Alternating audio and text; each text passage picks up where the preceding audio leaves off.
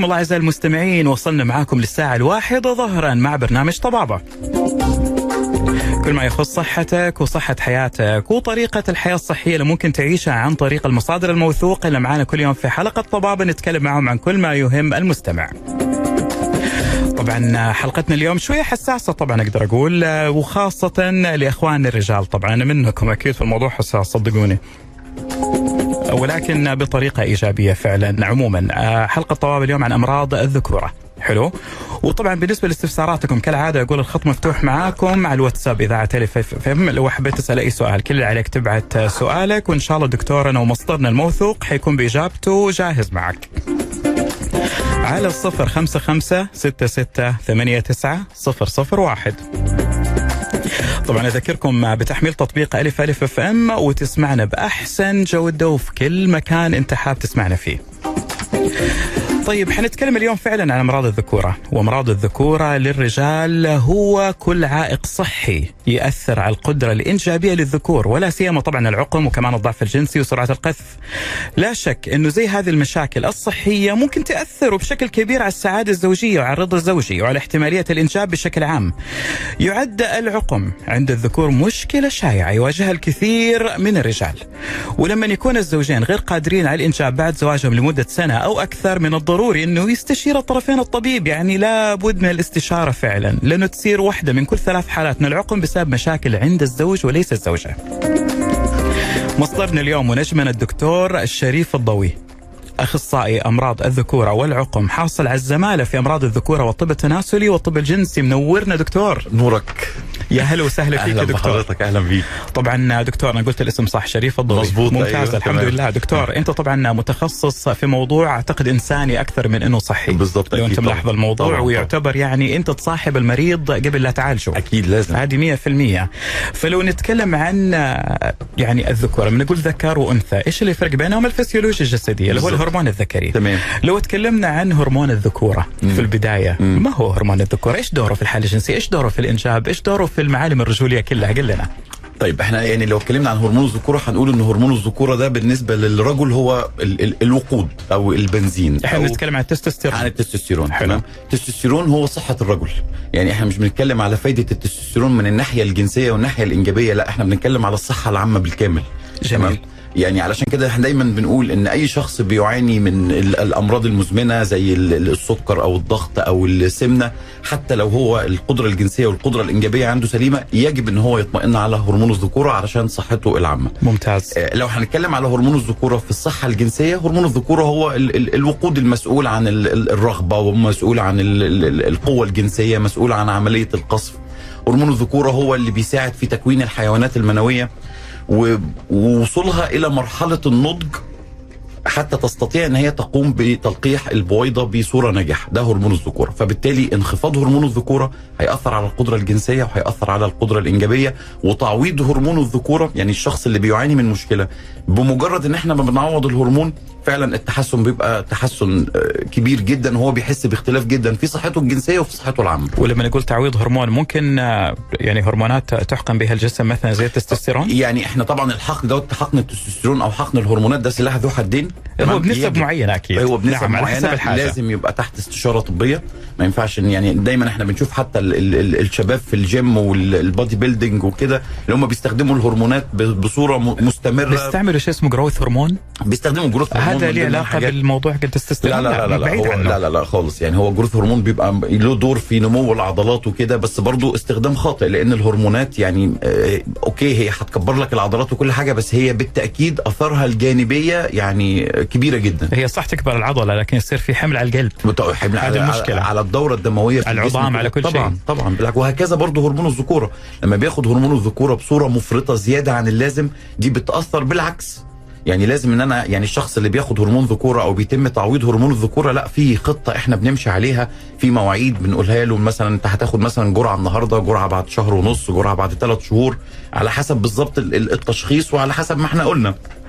نعم. لكن في ناس بقى بتاخد الهرمون مثلا ياخد كل أسبوع إبرة أو كل أسبوع إبرتين. طبعا ديت نتائجها بتبقى سلبية وبتبقى خطيرة يعني. يعني تعرف دكتور من حوالي عدة شهور شفنا برنامج بالتلفزيون يتكلم عن هرمون الذكورة. تمام. فيقولوا آه، بعض الأغذية أو التصرفات أو العادات تزيد هرمون التستوستيرون اللي هي مثلا آه، فيتامين دي. تمام. الواحد يحافظ عليه اللحم الأحمر يحافظ عليه آه، البروكولي يحافظ عليه نسمع كلام زي كذا ولكن مم. إحنا ما نعرف عن هذه المعلومات إن كانت صائبة أو خائبة هذه. عند الدكتور اللي أنت يعني- المر... أنت المرجع هي كلام هو نظريا لكن هو في الواقع هرمون الذكورة ما فيش أكلات أو ما فيش أطعمة معينة ممكن تزوده لكن هو الحفاظ على الصحة هو اللي ممكن يرفع مستوى هرمون الذكورة بمعنى إن دايما ال ال الوزن الزايد وتراكم الدهون في الجسم ده ده دي بيئة مناسبة جدا لتكسير هرمون الذكورة وتحويله للهرمون المقابل فبالتالي الإنسان لما بيحافظ على وزنه وبيحاول إن هو يقلل وزنه هو هيحافظ على مستوى هرمون الذكورة بالعكس كمان وبيزيد إنتاجه.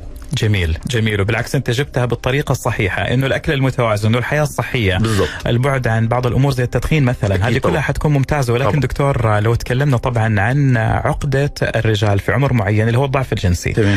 وهذا شيء طبعا طبيعي سنة الحياة والأخطاء والأمراض تصير. إحنا بني آدمين ما معصوبين من الأمراض. ولكن دكتور في بعضهم يقولوا عضوية ولكن كثير يقول لا دي حالة نفسية. إيش رأيك؟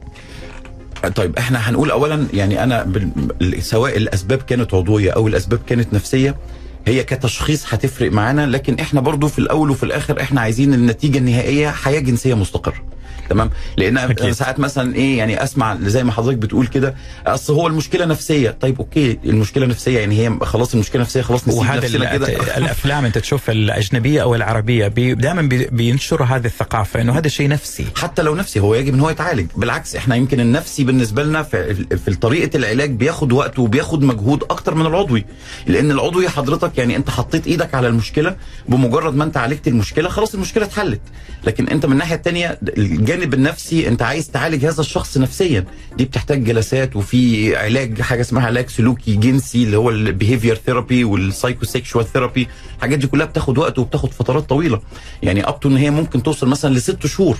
تمام؟ إحنا لكن إحنا المريض اللي بيعاني من مشكلة عضوية إحنا ممكن just في جلسة أو جلستين آه خلاص مع المتابعة بتاعته هيجي يقول لي أنا كويس وبقيت تمام وما عنديش مشكلة. صح. لكن المشكلة صاحب المشكلة النفسية ده هو دي المشكلة الأساسية هو ده اللي بيبقى محتاج متابعة دقيقة. ورعاية وفترة أطول في العلاج. بالظبط. فهو التشخيص بالنسبة لنا مهم جدا إن إحنا نعرف هل في سبب عضوي أم لا يوجد سبب عضوي لكن سواء سبب عضوي أو سبب نفسي الاثنين بيعاملوا نفس المعاملة وكل واحد بيكون له خطة في العلاج لازم نستمر عليها لحد ما نوصل للنتيجة اللي إحنا عايزينها. ممتاز. طيب دكتور لو تكلمنا على حكاية اللي هو الضعف الجنسي أو ضعف الانتصاب بشكل خاص أكيد يكون في يعني مسائل خلل عضوية. خلينا نبعد عن نفسي. تمام. إحنا نبغى نمسك الآن العضوي تمام. في أمراض معينة عضوية ممكن تصيب الرجل سواء بأي عمر من الأعمار ممكن تؤدي لهذه المشكلة؟ طبعا. يعني أنا خليني أقولهم لك مثلا بترتيب الأهمية أو بالأولوية. رقم واحد السكر. السكري. رقم اثنين الضغط. حلو. رقم ثلاثة السمنة. ارتفاع الدهون ومستوى الدهون في الدم آه، أمراض القلب والشرايين التدخين وتقدم السن. يعني. دي عملية فسيولوجية طبيعية إن الرجل كل ما بيتقدم في العمر بي- بيكون في تأثير في الدورة الدموية عنده بتختلف من شخص لآخر تمام؟ آه لكن ده واقع بيحصل عند كل الناس مش بس في في, ال- في الشرايين المسؤولة عن العملية الجنسية والانصاف في شرايين الجسم كله بالكامل طبيعي وبرضه هنرجع نقول إن اللي بيحافظ على صحته وبيحافظ على عاداته الغذائية وبيكون في برنامج رياضي هو كده بيحافظ إن الحالة الجنسية عنده تفضل مستقرة والشرايين تفضل شغالة بصورة طيبة أطول فترة ممكنة. أجل نقول الأسباب الرئيسية مرض السكري، مرض الضغط، مرض ارتفاع الدهون الثلاثية، وعندنا كمان حكاية التقدم بالعمر والتدخين, ومشاكل القلب. والسمنه. يعني هذه كلها حتى الدوره الدموية تعتبر فعلا لو فيها مشكلة طبيعي أن يكون شوف في مشكلة في هو أي الانتصاب نعم. حاجة أي حاجة هتأثر على شرايين الجسم بشكل عام لازم هيكون ليها دور ولازم هيكون ليها تأثير على الحالة الجنسية للرجل. لأن أنت بتتكلم في الحالة الجنسية للرجل هم ثلاث عناصر رئيسية. الهرمونات الجنسية أعصاب ال- ال- ال- العضو الذكري نعم. والدورة الدموية في القضيب. صح. والدورة الدموية ديت هي الحاجة الأساسية سواء شرايين أو أوردة. وهي جزء من جسمنا. زي ما أنا الجسم بيتأثر بأي حاجة هم كمان هيتأثروا وهيحصل فيهم ضعف وهتحصل فيهم النتائج اللي إحنا بنتكلم عليها. وطبعا نقول عزيزي الرجل الحلقة هذه خاصة فيك مع دكتور شريف الضوي. يا ريت تستمع لنا مو عشان شيء للاستفادة المستقبلية. زي مو السيدة طبعا مهتمين إحنا فيها كثير. برضو عزيزنا الرجل إحنا هاملينك كثير. فنهتم اليوم فيك في هذه الحلقة ودكتور شريف ما قصر. طلع لنا أحلى موضوع نتكلم فيه. حنكون معاكم لسه مكملين بس أذكركم برقم الواتساب عشان دكتور شريف طبعا لو في سؤال عندكم حابين تستفسروا عن هذا الموضوع حق السؤال مع دكتور شريف 055 66 89 001 ودكتور شريف الضوي اخصائي امراض الذكورة والعقم حاصل على الزمالة في أمراض الذكورة والطب التناسلي والطب الجنسي وعنوان الحلقة أمراض الذكورة.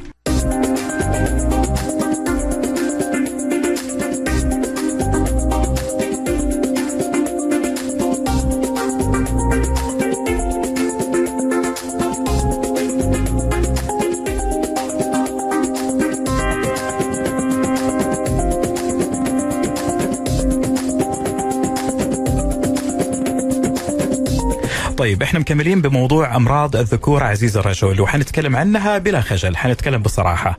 وطبعا آه، عندنا إحنا طبعا مرجعنا اليوم الدكتور شريف الضوي أخصائي أمراض الذكوره والعقم حاصل على الزمالة في أمراض الذكوره والطب التناسلي والطب الجنسي. وطبعا نسيت أقول لكم إنه هذه الحلقة بالتحديد برعاية مجموعة أندلسية الطبية وطبعا الدكتور شريف الضوي من أحد أعضاء البارزين في أندلسية.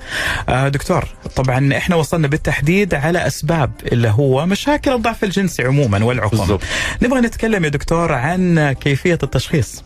كيفية التشخيص. طبعا هذه إحنا نجينا الأشياء عشان نطمن المستمع يعرف إيش الفكرة حقت لو عنده في ناس يتحرجوا يروحوا أكيد- فباك أكيد طبعاً. تطمنهم كيف الطريقة حق طيب التشخيص. إحنا رقم واحد تحليل المشكلة نفسها. الكلام مع الشخص ال- ال- ال- المريض نفسه. تمام؟ ده مهم جدا إن أنا أعرف منه التاريخ بالتفصيل أعرف منه طبيعة المشكلة. قد يكون هو جاي بيشتكي من شيء لكن هي المشكلة حاجة تانية خالص غير اللي بيشتكي اللي بيشتكي منها أو اللي جاي بيها. تمام فطبعا إن إحنا لما بنقعد وبنتكلم وبناخد وقتنا جدا. التاريخ المرضي له التاريخ الجنسي بالظبط له بنقدر نحط إيدينا مبدئيا على النقط الرئيسية اللي إحنا هنبحث عليها رقم اتنين الفحص السريري الفحص السريري ده مهم جدا بالنسبة لنا. هل في علامة موجودة مثلا تدل إن مثلا ممكن يكون عنده مشكلة في الهرمونات؟ هل ممكن يكون في تأثير في الدورة الدموية؟ وقد يكون التشخيص ممكن يكتفى بالنقطتين دول التاريخ المرضي والفحص السريري. تمام؟ آه لكن التشخيص النهائي طبعا الفحص الم- ال- المختبر لابد طبعا. فعلا عشان وال- التحليل وطبعا أهم حاجة واللي بيقطع الشك باليقين في الموضوع دوت هي أشعة الدوبلر اللي دي التشخيص النهائي هل المشكلة عضوية أم المشكلة نفسية؟ أشعة دوبلر هذه وش هي بالتحديد؟ أشعة الدوبلر دي اختبار بيتعمل للدورة الدموية في القضيب علشان نقيم ثلاث أشياء. رقم واحد آه، قوة دخول الدم داخل الشريان. رقم اثنين قدرة ال- أوردة القضيب على أن هي يتم الغلق تماما بحيث أن الدم ما يهربش ويرجع. رقم ثلاثة جسم القضيب من الداخل ومدى استقباله للدم الكافي. لقوة الانتصاب يعني ممكن يكون مشكلة في التغذية حقت الدم يعني. ممكن طبعا. اللي هو- معظم اللي هو الانتصاب مثلاً. آه آه هو المعظم بيكون فعلا مشكلة في تروية الدم في القضيب. طيب دكتور حنتكلم عن موضوع أقدر أقول أنا شايف الأسئلة كثير فيه. تمام. أوكي. عشان كذا نختصر إحنا موضوع أسئلتهم بسرعة القذف. تمام. ممكن ما يكون في مشكلة في الانتصاب. ممكن يكون صحة ما شاء الله تبارك الله الرجل حلوة. تمام. لكن السرعة في ال- هذا الشيء يعمل له حرج. يعمل له حرج حتى مع يعني في علاقته الزوجية. تمام. فيش رأيك؟ طيب إحنا يعني هو اولا يعني إيه سرعة قصف؟ يعني التعريف بتاع سرعة القصف ده لازم نكون فاهمينه كويس جدا، سرعة القصف إحنا ما نقدرش نحكم عليها إلا في وجود علاقة زوجية منتظمة. تمام؟ حلو. يعني أنا ما ما, ما, ما, ما ينفعش يبقى شاب جاي لي بيقول لي أنا عندي سرعة في القصف وهو مش متجوز لا إحنا أنت خلي بالك انتبه إن أنت بنسبة 70% المشكلة دي هتتحل مع الزواج. هذه تكون. بالظبط لكن في الزواج انتظامية. الزواج حاجة تانية خالص. لهم عشان- سنة كاملة أو شهور بالظبط. بيعانوا من دي المشكلة. بالظبط. آه، سرعة القصف في أسباب عضوية لسرعة القصف في أسباب عضوية لسرعة القصف. آه، قد إحنا ممكن بنتغافل عنها كتير لكن هي حقيقة موجودة. زي التهابات البروستاتا وأمراض البروستاتا. اضطرابات هرمونات الذكورة برضو بتأثر في عملية القذف سواء بمبكر قذف مبكر أو قذف متأخر لأن دي برضو مشكلة برضو بن- بنواجهها وبنعاني منها وبتكون أصعب من سرعة القذف. تأخر القذف القذف. تأخر القذف. تمام؟ لحظة هذا موضوع لوحده. ده موضوع تاني طيب. إحنا آه. حنبدا على كده في موضوع اللي هو بد... اللي هو سرعة وبعدين نروح للتأخر. تمام. يلا. فاحنا طبعا بنطمئن الأول إن الأسباب العضوية المسؤولة عن سرعة القذف مش موجودة. آم، لو كله سليم يبقى اذا هي الموضوع كله إن الزيادة في حساسية أعصاب القضيب ودي ال ال ال ليها علاج ليها علاج والعلاج بينقسم لشقين الشق الدوائي على حسب الحالة وعلى حسب الدرجة اللي بيشكو منها المريض والشق الثاني هي ال- اللي إحنا بنسميها ال- ال- التأهيل الجنسي تمام؟ ودي بتبقى عبارة عن بعض التمرينات وبعض التدريبات اللي بيبدأ المريض يع- يعرفها ويتعلمها ويبدأ حلو. ينفذها. في البيت وبنتابع مع بعض فيها. المفروض إن إحنا بنصل لمرحلة اللي هي زي ما بنقول مرحلة الرضا. بنبدأ نسحب العلاج تدريجيا وبنكمل في التمرينات اللي إحنا بنعملها وبنتابع ونشوف. ممكن العلاج. ياخد له مثلا فترة من شهر ونص لثلاث شهور. طبعا لما تقول علاج دوائي. علاج دوائي آه. في علاج دوائي عشان حكاية إنه الأعصاب وحساسيتها تهدى شوي. بالظبط أيوه. لأنه كل شيء تمام في صحته ما عنده. أي مشاكل حساسية في الأعصاب. بالظبط بس هي مشكلة ال ال الأدوية دي إن في مجموعة كبيرة منها ممكن فعلا تبدأ تأخر عملية القصف بس للأسف ممكن يكون ليها تأثير سلبي على الرغبة والانتصاب. اللي هو عدم إحساس يمكن. بالظبط تأثر بترخي الأعصاب. وممكن تأثر على الانتصاب برضو الرغبه فلازم اختيار العلاج يكون مناسب لهذا الشخص. أنت الشخص دوت إن أنا أكون جدا واخد بالي إن أنا أوكي أنا عايز أعالج بسرعة القصف بس في نفس الوقت مش عايز يكون في تأثير سلبي على الانتصاب وعلى الرغبة الجنسية. أجل يعتمد على على تحليل آه، نفس ال- ال- الرجل اللي يجي من ناحية الدم يعني ولا كيف تحلله بالتحديد عشان تعرف إيش الدواء اللي يحتاجه؟ أكيد في سبب. آه، يعني برضه هي ب... ب... ال- التاريخ المرضي للشخص نفسه إحنا طبعا في أسئلة كتيرة جدا بنسألها لل... للمريض. في scores بناخدها. بتاخذوا راحتكم آه معاه طبعا في وشوي. شوي. اي آه، نعم. في international scores إحنا بناخدها أسئلة معتمدة عالميا علشان أعرف هي الدرجة بتاعته إيه بالظبط يعني هل هل درجة بسيطة؟ هل درجة متوسطة؟ هل درجة شديدة؟ هل أساسا هو فاهم إن في مشكلة لكن مش هي دي المشكلة؟ المشكلة حاجة تانية خالص. وبناء عليه أنا بختار له الحاجة اللي تناسبه. سبحان الله يعني ممكن يكون هو بيعاني من مشكلة ثانية وأحد إحنا آه، كتير جداً. أعراضها الجانبية اللي إحنا هو سرعه القلب. إحنا كتير جدا بنلاقي ناس جايين بيشتكوا أنا عندي ضعف انصاب أنا عندي ضعف انصاب لما بنيجي ناخد منهم ال- ال- السكورز والمعدلات العالمية بنكتشف في الآخر إن هو المشكلة ما هي في الانتصاب المشكلة أساسا في القصف. في القذف نفسه القذف. هذه كمان قصة آه القذف عشان كده بقول لك. التاريخ المرضي إن أنا آخد من المريض لأن هو يعني هو ال- ال- ال- المريض برضو يعني إيه على فطرته على سجيته هو مش مش عارف علميا الدنيا ماشية إزاي أو الدنيا فيها إيه فهو بيبقى واجب الطبيب إن أنا أطلع منه الحاجة اللي أنا عايز أكون متأكد منها التشخيص أنا أهم حاجة عندي التشخيص. قبل ما أفكر في العلاج أنا لازم أعرف التشخيص هو عنده إيه بالظبط. دكتور. تعرف آه، في سؤال مثير للاهتمام من أحد الإخوة. طبعا يا مو مو كاتب اسمه. نقول له يا أهلا وسهلا فيك من جدة. يقول دكتور آه، ما عندي مشكلة في القذف وأنه مشكلتي في مو قوي القذف عنده ضعيف. دفع ال- الدفع نفسه. الدفع هذا ممكن نفسه. يأثر على الانجاب ترى. هو ممكن دفع القصف أكيد هو مصاحب بقلة اللذة أو قلة المتعة أثناء القصف. هذا تمام؟ السبب. إحنا حاجتين هندور فيهم. البروستاتا اللي مسؤول عن 70% من عملية القذف وهرمون الذكوره إحنا نشوف الاثنين دول الأول أخبارهم إيه. لو الاثنين في أي مشكلة فيهم مجرد المشكلة ما تتعالج هو هيحس بتحسن كبير جدا. لو الاثنين كويسين في بعض العلاجات اللي ما يكونش ليها آثار جانبية وما يكونش ليها تأثيرات طبعا سيئة بنبدأ ناخدها ونرجع نعيد تاني ونتكلم ال ال ال العلاج السلوكي والعلاج النفسي الجنسي ممكن يفرق كتير جدا في الحالات دي لو ما كانش في سبب عضوي موجود. طب دكتور ممكن يكون آه، يعني قلة السائل المنوي أحد آه. الأسباب اللي عشان كده ما عنده ال- القذف قوي؟ ما هو إحنا برضو لو هنتكلم على قلة السائل المنوي السائل المنوي تكوين السائل المنوي بيعتمد على نقطتين. الهرمون المسؤول عن إنتاج المني هرمون الذكورة. التستوستيرون الغدة نعم. المسؤولة عن إنتاج المني غدة البروستاتا. حلو. فأي مشكلة تتعلق بكمية المني أو قوة قصف المني أو مشاكل القصف سواء مبكر أو آه، متأخر هي أو قلة اللذة أثناء ال- القصف دي بتتعلق بالنقطتين دول هرمون حلو. الذكوره وغدة البروستاتا طيب انت جبتها اللي هو التأخر اللي هو أيوة. قلة اللذة. والتاخر هو التأخر هو قلة اللذة تقريبا مع بعض ولا؟ لا هو التاخر ولا ما ممكن علاقة؟ يصل لانعدام اللذة. أو ممكن آه، تأخر. هو تأخر. هو مش قادر يصل للمرحلة اللي بيقدر إن هو بيقذف فيها. وهذا متعب. متعب لي طبعا فعلا؟ آه دي دي نعم. بنلاقيها كتير جدا في ال- اللي هم الأشخاص اللي بياخدوا الأدوية ال- ال- النفسية لفترات طويلة. الاكتئاب صح؟ آه بي- بيبذل مجهود كبير جدا عشان يصل لمرحلة القصف وممكن العملية تنتهي بدون ما يحصل آه، قصف. قذف بدون ما فعلا يحصل إذا قذف. كان بياخذ أدوية نفسية لو كان آه لو كان بياخد مثلا أدوية للاكتئاب أو كده أو أكتر من دواء ممكن يصل لهذه المرحلة. في أسباب عضوية. برضو هنقول اضطراب هرمون الذكوره اضطراب الغدة الدرقية. مشاكل البروستاتا. نعم. وممكن يكون هناك عامل نفسي بنقدر إن إحنا برضو نعمل له ال- ال- الجلسات اللي تقدر إن إحنا نساعده آه، بعض التمرينات وبعض التعليمات. في نظريات كتير جدا جدا بتتكلم في مشكلة تأخر القذف لأن أنا أنا شايف إن مشكلة تأخر القذف هي أصعب بكتير نفسية من دكتور مشكلة أكثر سرعة ولا؟ القذف أحسها نفسية ولا أنا غلطان؟ لا مش في كل الحالات. مو كل بعض لا لا لا الحالات في كل يعني. في بعض الحالات. مم... آه طبعا هو السبب النفسي في أمراض الذكورة والأمراض الجنسية ده جزء رئيسي أساسي ما نقدرش إن إحنا نتغاضى عنه. لكن في أسباب عضوية في أسباب عضوية بتبقى موجودة. لابد أن يكون في آه أسباب طبعا. عضوية. طبعا طبعا. بنسبه كبيرة. طبعا وبالنسبة دكتور لو تكلمنا عن حكاية اللي هو العلاج أيوه. معكم التشخيص تم. ففي التأخر أنتم إيش بتسووا معاه جلسات دوائية في في علاجية علاجات نصحية في في علاجات في علاجات بتساعد شوية في إن هو القصف يبدأ يبقى مبكر. تمام؟ العلاجات دي للأسف هي مش متوفرة أو هي تنوعها مش كبير مش زي مثلا أدوية سرعة القصف. يعني أدوية سرعة القصف أنت عندك كاتيجوريز كبيرة جدا ادويه سرعة القصف. لكن أدوية تأخر القصف أنت بتتكلم في نوع أو اتنين هم اللي موجودين وهو اللي, اللي, اللي بتقدر إن أنت تتعامل مع المريض فيهم بعد استبعاد الجانب العضوي. المتابعة بتكون مهمة جدا. تمام ال- الكلام بيفرق كتير قوي ان هو يعني دايما أقول له أقول له أنت لازم لازم أشوفك لازم تيجي سواء اتحسنت أو ما اتحسنتش لازم يكون في متابعة ولازم نقعد ونتكلم مع بعض نحط إيدينا في حاجة موجودة عندك أنت ممكن أنت مش عارفها أنا أقدر أكتشفها أقدر أطلعها منك وهي ثقافة في النهاية بالضبط. وما حد يتحرج منها دكتور. هذه طبعا ممكن اللي يتغاضى بيخرب حياته الزوجية أكيد. بيخرب حياته الصحية أكيد.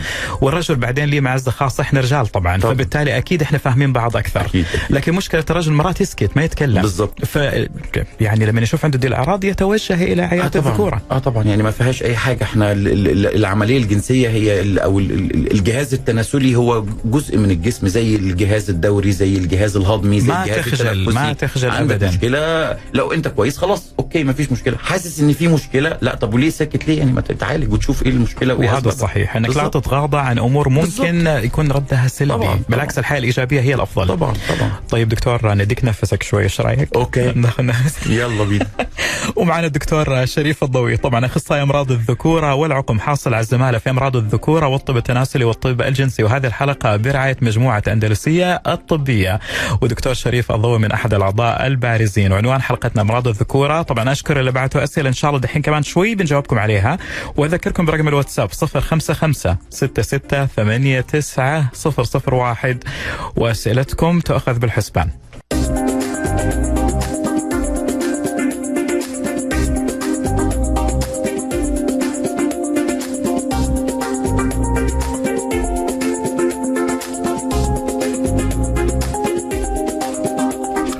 طيب مكملين معاكم برنامج طبابة وحلقة اليوم عن الذكورة وأمراض الذكورة وصحة الرجل طبعا.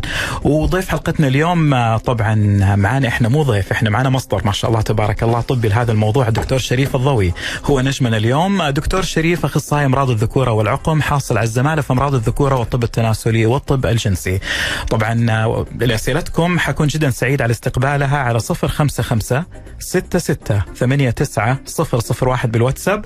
بس طبعا آه، افضل ترسلوها كلام مو صوت لأنه في بعض الناس بيرسلوا لي تسجيل صوتي ما راح نقدر نسمعه أو ما راح نقدر نفتحه فارسلوه يفضل ككتابة تكست طبعا دكتور إحنا تكلمنا عن القذف وتأخر القذف وعن حكاية الهرمون التستوستيرون وإيش طبعا وظيفته في الجسم. نبغى نتكلم بالنسبة للرجل على حكاية اللي هو الإنجاب. تمام. وطبعا في سؤال أقدر أفتتح لك فيه الموضوع على طول. هذا كان أول سؤال جانا اليوم في الحلقة. آه، من الأخت سارة. يا أهلا وسهلا فيك. تقول السلام عليكم. أنا زوجي عنده الحيوانات المنوية صفر. تمام. هل في علاج؟ يعني برضو نتكلم إن إحنا قبل ما نتكلم على العلاج نشوف إيه التشخيص. هي طبعا لا إحنا حنتكلم عن الموضوع. هي هذا. السؤال. سؤالها بس كده. طيب الحيوانات المنوية صفر. إحنا عندنا بنقسمها لجزئين. هل في انسداد ولا ما فيش انسداد؟ مم. لو في انسدادات موجودة ودي طبعا بيتم تشخيصها بنوع معين من الأشعة. بنقدر إن إحنا نشوف نصور القنوات المنوية ونعرف في انسداد ولا لأ مع بعض الدلالات اللي ممكن نقراها في تحليل السائل المنوي اللي توجهنا إن في انسداد. فده الجزء الأول. انسداد في إيش؟ في انسداد في القنوات المنوية. أوكي إن الخصية شغالة وبتنتج حيوانات منوية كويس جدا بس القنوات اللي بتخرج الحيوانات المنوية في ال ال ال ال القصف القنوات دي فيها انسداد. انسداد ده نتيجة مثلا صدمات جت من فترات طويلة نتيجة التهابات متكررة نتج عنها تليف اتقفلت القناة فالحيوانات المنوية موجودة بس ما بتخرجش. نعم. تمام؟ نعم فهمت. طيب أو إن ما فيش انسدادات لكن الحيوانات المنوية صفر. فدي بنتكلم على مستويين. مستوى الغدة النخامية اللي هي المسؤولة عن إنتاج الحيوانات أو مسؤولة عن تحفيز الخصية لانتاج الحيوانات المنوية. الغدة النخامية. الغدة النخامية في المخ طبعا هي الغدة الأم هي الغدة الأم اللي بتتحكم في عملية الإنجاب. هي اللي بتعطي الأمر بإنتاج هرمون الذكورة وهي بتعطي الأمر بإنتاج الحيوانات المنوية. معلومة جميلة جدا دكتور. شكرا. لو الهر... لو هرمونات الغدة النخامية فيها كسل شديد أو فيها نقص شديد هنلاقي الحيوانات المنويه صفر. ودي من أفضل الحالات اللي بتتعالج وبنشوف فيها تحسن سريع جدا لأن بمجرد ما عوض الهرمونات دي هتبدأ الخصية تشتغل وتبدأ تحفيز الغدة. النخامية. تحفيز الغدة النخامية. لو كان في نقص في هرمونات الغدة النخامية. آه، النقطه الثانية على مستوى الخصية.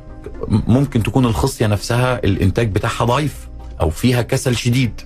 إحنا بنحاول ان إحنا ندعمها بنديها بنزود الطاقة بتاعتها عن طريق مضادات الأكسدة عن طريق آه، بعض الفيتامينات قد تنتج وقد لا تنتج فبنصل للآخر إن هو الحاجة النهائية اللي إحنا لازم نعملها وهي العينة الميكروسكوبية من الخصية بعد ما نعمل تشخيص تماما بعد ما ما نصل إيه للتشخيص نعم. النهائي واطمنا إن الغدة النخامية تمام وما فيهاش أي مشكلة وإن المشكلة عندنا إما انسدادات أو كسل في الخصية يبقى إحنا بنصل ليه عينة ميكروسكوبية كده إحنا الخصية. عندنا شغلتين أول شيء الغدة النخامية ممكن تأثر بكسلها طبعاً. والشيء الثاني طبعا اللي هو مشكلة في نفس الخصية بالظبط okay من ناحية الإنتاج لكن دكتور السائل موجود موجود Yes. اللي هو المنوي ولكن Yes. ممكن ما يتحمل بهذه الخلايا المنوية وال... طبعا اللي هي الحيوانات المنوية بسبب هذه المشكلتين اللي حضرتك تكلمت عنها الحيوانات المنوية بتكون 5% من السائل المنوي إحنا السائل المنوي الجزء ال- الكبير من السائل المنوي هو جاي من غدة البروستاتا وجاية من حاجة اسمها الحوصلة المنويه حلو.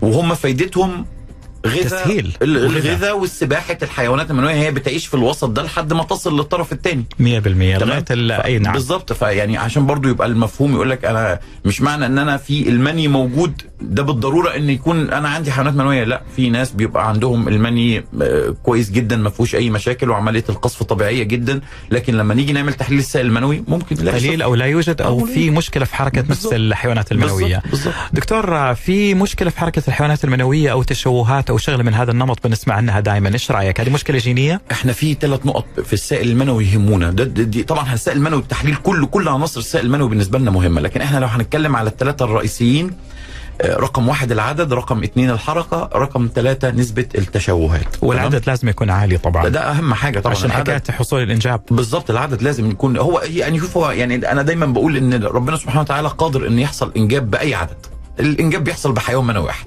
سبحان الله فيعني لو شخص عنده الله. مئة ألف يعني لو شخص وإحنا شفنا حالات بالفعل كده يعني لو شخص عنده مئة ألف لو مكتوب له إن هو يحصل إنجاب هيحصل إنجاب لو عنده؟ واحد بس سبحان بالظبط. الله نعم لكن إحنا بنتكلم على النطاق الطبي والعلمي تمام؟ ال- ال- ال- ال- القدرة الإلهية فوق كل شيء طبعا. مو انت مو دكتور أنتم السبب بعد الله عز وجل بإذن هو الله. نعم بالله. وبرضه الإنسان هو السبب إنه ي... إنه يحرك نفسه وفعلا يحرك. حياته لكل مجتهد لكل مجتهد نصيب. يعني دايما بقول اللي بيجتهد في موضوع الإنجاب وما بيأثرش في حق نفسه أكيد إن شاء الله ربنا بيكون آه، يعني كاتب له الخير بعد كده. وما في يأس مع الحياة ومع العلم. ومع التقدم. الله عز طبعاً. وجل سبحانه وتعالى لكل داء دواء خلق. أكيد طبعا وهذا اللي أقدر أقوله. أكيد طبعا. آه دكتور طيب بالنسبة بعض الأمور حابب أعرفها. فعلا كل ما قلت نسبة الحيوانات المنوية في السائل المنوي. كل ما كان في مشكلة في الإنجاب. أكيد. صحيح ده طبعا الكلام. طبعا طبعا إحنا قلنا هي بيد الله عز وجل ولكن طبعاً. هذه مجرد معايير طبعا. علمية. آه بالظبط إحنا بنتكلم في المعايير العلمية. آه، إحنا عندنا رقم لعدد الحيوانات المنوية أقل حاجة 15 مليون في الملي أقل 15 من مليون في الملي أقل من 15 مليون يبقى إحنا عندنا مشكلة. تمام؟ سبحان الله. وهكذا الحركة وهكذا نسبة ال- ال- الحيوانات المنوية الطبيعية. ولكن إحنا برضو ك ك قراءة للسائل المنوي في برضو عملية نسبة وتناسب مهمة جدا بالنسبة لنا. يعني أنا ممكن مثلا الشخص يبقى 15 مليون لكن ألاقي الحركة بتاعته مثلا آه، 30% أوكي هو في في النطاق بتاعنا وفي العناصر بتاعتنا الطبية هو طبيعي. حلو. لكن كنسبة وتناسب لا أنت يعتبر برضو ده انخفاض. ممتاز. تمام؟ فبرضه ده بيحتاج دعم وبيحتاج إن هو نزود العدد ونبدأ نحسن الحركة. نسبة التشوهات نسبة كل شخص وكل رجل طبيعي في نسبة تشوهات في الحيوانات المنوية. يعني إيه حيوان منوي مشوه؟ عشان برضو المعلومة دي هذه لازم تكون موجودة. لازم تكون موجودة طبيعي الحيوان المنوي المشوه هو الحيوان المنوي الذي لا يستطيع إنه يحقق التلقيح يكون عنده مشكلة في التكوين يكون عنده مشكلة في التكوين لأن في ناس كتيرة بتفهم إن حيوان منوي مشوه ده هينتج عنه طفل مشوه لا مو ضروري الكلام ده مش مظبوط. نفس الحيوان هو المشوه. الحيوان المنوي المشوه هو الحيوان المنوي الذي لا يستطيع إن هو يصل يقدر ويعمل. يمشي بطريقة خطأ ودي أو برضو إيه. كل وكل واحد فينا برضو بيبقى له نسبة موجودة نسبة تشوهات موجودة. لو تعدت الحدود الطبيعية لا يبقى إحنا عندنا مشكلة يجب التعامل معها. لأنه فعلا في بعض الحالات مع مشكلة الانجاب إنه تشوه الحيوانات آه، المنوية. آه، دكتور. طيب بالنسبة للعلاج الأمثل حسب وجهة نظرك لمشكلة اللي هو عدم الانجاب عند الرجال لأنه هم المسؤولين أكثر عن تمام. هذا الموضوع. تمام. آه، طيب إحنا زي ما قلنا طبعا إحنا اللي بنشوف الأول التقييم للهرمونات الغدة النخامية وتقييم لهرمون الذكورة ووضع البروستاتا ووضع الخصيتين اللي هي الحاجات الرئيسية بتاعتنا. هل في التهابات موجودة؟ هل في دوالي خصيتين هل في انخفاض في هرمونات الغده النخاميه؟ هل في انخفاض في هرمون الذكوره؟ وبنبدأ نتعامل مع آه، هذا الوضع تمام؟ جميل. وطبعا ده برضو بيكون بناء على التحليل السائل المنوي بالظبط. يعني إحنا برضو ال- العدد هل النقص اللي موجود ده نقص في في حدود إيه؟ يعني في نقص إحنا بالنسبة لنا بنبقى إحنا كأطباء إحنا مستريحين أوكي هو في نقص بس إحنا إن شاء الله الموضوع بسيط وهنقدر نتعالج. مقدور عليه. لكن في نقص بيبقى نقص شديد جدا. اللي هو الشخص مثلا اللي بنلاقي إن العدد عنده أقل من 5 مليون. أقل من 5 مليون ده يعني إحنا ال- الإشارة الحمراء منورة. يا دكتور صفر. صفر هذه رعب. أقل من 5 مليون. آه طبعا ممكن يصل لصفر. صفر هذه معناته مشكلة كبيرة. طبعا مشكلة كبيرة. طبعا مشكلة كبيرة. فبنتعامل في العلاج. العلاج طبعا فيه علاجات دوائية. يا إما عن طريق الفم أو عن طريق الحقن أو عن طريق الإبر. ممكن نصل للجراحات لو في مشكلة مثلا زي مشكلة دوالي الخصيتين أو انعدام الحيوانات المنوية إن هي العدد صفر ولازم نعمل زي ما قلت لحضرتك العينة الميكروسكوبية من الخصية. لو في جميل. انسدادات بن- حلو. ممكن في بعض الجراحات اللي بتساعد في فك الانسدادات وحلها. آه طيب دكتور آه عندي سؤال بس أقدر اسم آه طبعا هذا من سؤال أحد المستمعين. يقول لك آه، بالنسبة للعلاجات المختصة بالقدرة الإنجابية أيوه. هل بتأثر على الانتصاب والقدرة؟ لا. طبعا أنا شايف السؤال حلو وجيه آه هو سؤال كويس طبعا بس يعني لا هي ملهاش علاقة بال بالانتصاب والقدرة الجنسية. بالعكس ممكن في بعض العلاجات اللي بتساعد في عملية الإنجاب ممكن يكون ليها دور في لأنه هو خلي بال حضرتك دعم الخصيتين أو دعم الحيوانات المنوية إحنا الحاجات الرئيسية اللي بنحتاجها نقدر نحطها تحت مسمى مضادات الأكسدة. مم.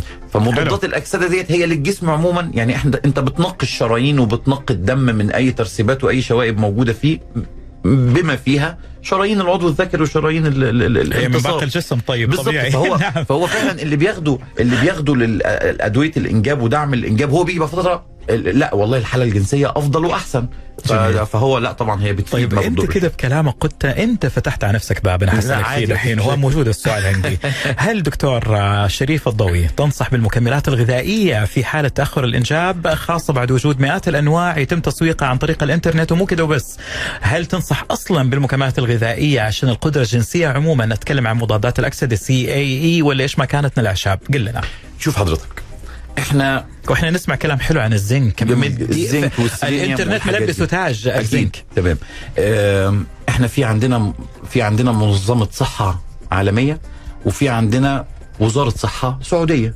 تمام وزارة الصحة السعودية هي اللي بتقول لي الدواء ده وده وده أنا موافق عليه وما عنديش مشكلة فده اللي أنا أستخدمه. والاف دي اي عندهم في أمريكا نفس الشيء. كمان. لكن إن أنا أدخل على النت وأختار دواء أنا ما أعرفش الدواء دوت معمول من إيه ولا مصنوع من إيه لأن للأسف الشديد جدا بتبقى في أدوية كتير بيكون مضاف عليها هرمونات. تمام؟ ودي أثرها الجانبية بيبقى خطير جدا. ومعها مواد معدنية ما لها داعي للكلى كمان. بالظبط فإحنا أنا مش ضد المكملات الغذائية بس المكملات الغذائية ال- اللي المعتمدة من وزارة الصحة. آه، المعتمدة اللي إحنا عارفينها وتم تحليل عناصرها متأكدين منها عارفين إن هي ال- المواد الم- الموجودة فيها كلها هي المواد اللي- المريض فعلا محتاجها لا فيها إضافة هرمونات لا فيها نسب زيادة مثلا من بعض المواد زي الأدوية الجنسية والحاجات دي لأن برضو دي نقطة تانية بيحطوا فيها بيحطوا فيها فياجرا بيحطوا فيها فياجرا بنسب في كبيرة بنسب يقول لك كبيرة. توم مصحي جنسيا بالظبط. أو مصحح جنسيا ومع. فياجرا طلع. اعوذ بالله. لكن لو لو العلاج دوت معتمد من وزارة الصحة هنا خلاص ده تم تحليله وتم عارفين إحنا العناصر بتاعته إيه وعارفين كل حاجة عنه. عشان هذا اللي يخليني أشتري من الصيدلية ما أشتري من الإنترنت بالظبط دكتور. يعني الإنترنت ده يعني أنا أجينست الإنترنت لأنه في. محبه ودب بيبيع. وفي ناس صنعوها في بيتهم في الشقة حقتي يسوي أدوية. شفنا فضايح هذا أدوية بتيجي من بره في أدوية بتيجي من دول عربية ودول أوروبية ومن أمريكا. أدوية بتيجي. أنت ما تعرفش مصدرها وما تعرفش هي هم فيها في إيه. النهاية ناس بيسترزقوا فلوسهم ما. يبغوا يشوفوكم بالضبط. ولكن إحنا نقول الشيء الط- الطيب عندنا. بس اللهم break كده على السريع. okay. Okay. آه، وحنرجع لكم مع ولكن حنرجع لهم مع أسئلتهم. أسئلتهم ما شاء الله كثير ومن حقهم ومن حق طبعا الدكتور إنه يجاوب عليها. دكتور شريف الضوئي أخصائي أمراض الذكورة والعقم حاصل على الزمالة في أمراض الذكورة والطب التناسلي والطب الجنسي واحد الأعضاء البارزين في مجموعة أندلسية للخدمات الطبية أو للخدمات الطبية. واتساب 05566 8900 لاستفساراتكم. حنجاوب على الأسئلة مع الفقرة القادمة. rytmą.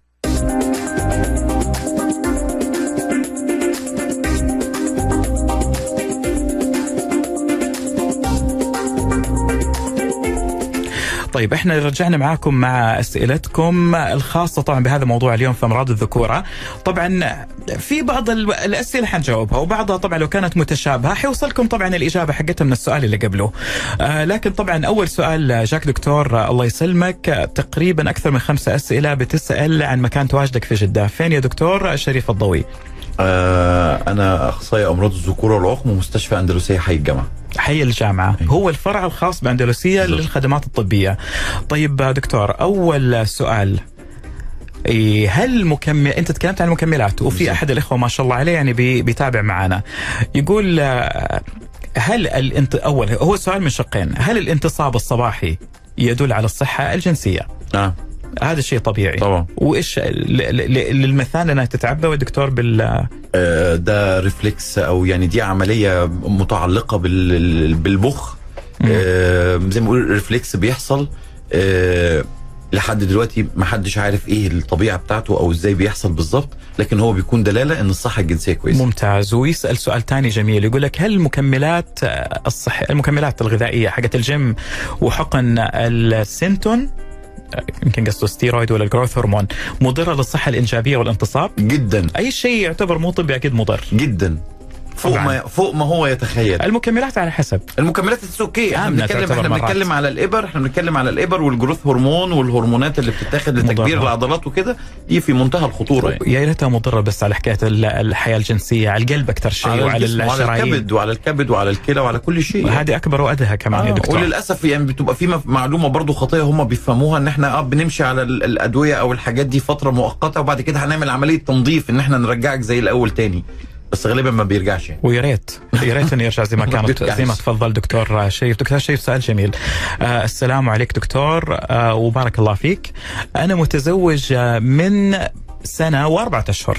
لسه ما حصل نصيب في الخلفة. عندي دوالي درجة أولى. عملت أشعة تلفزيونية وتحليل سائل منوي وتحليل دم. وعندي سرعة قذف غير دائمة. لسه المراجعة مع الدكتور كل ثلاثة أشهر فإيش رأيك؟ مشكلته هذه كبيرة تعتبر. يعني على حسب دوالي. ال ال ال ال يعني الدوالي ممكن يعني هو مش شرط وجود الدوالي إن تكون. مؤثرة مو يعني لا. لا مش لازم مش مش شرط تكون مؤثرة يعني إحنا قبل الدوالي الأول يعني في العدد كام الحركة عاملة إيه هل هو محتاج مكملات ولا فعلا هو محتاج إن هو يعمل عملية الدوالي ويستريح منها لو مؤثرة بشكل كبير فده يعني دي محتاجة نقط كتير قوي نفحصها قبل ما نقرر.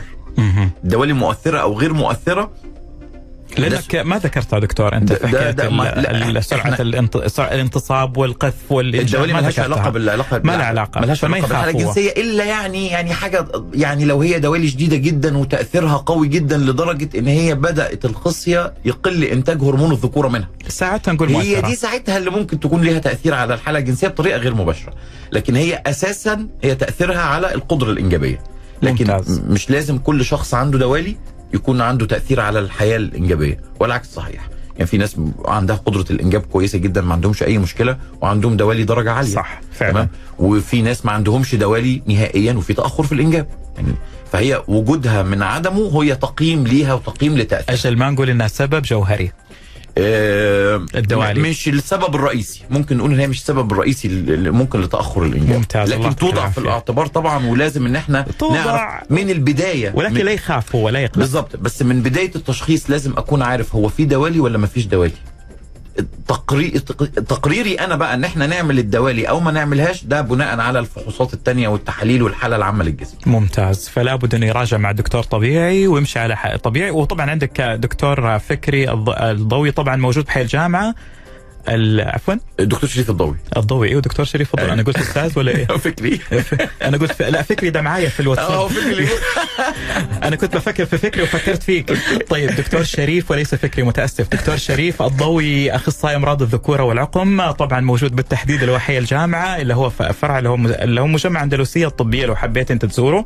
آه، دكتور شريف فكري راسل لك رسالة. أوكي. فكري. معليش يا فكري حطيتك مكان الدكتور. يقول آه، السلام عليكم دكتور. آه، يبغى يسألك إنه يعاني من ضعف انتصاب وعدم رغبة جنسية أغلب الأوقات. بما أنه آه، أتعالج قبل سنة وطلع عنده تضخم في البروستاتا.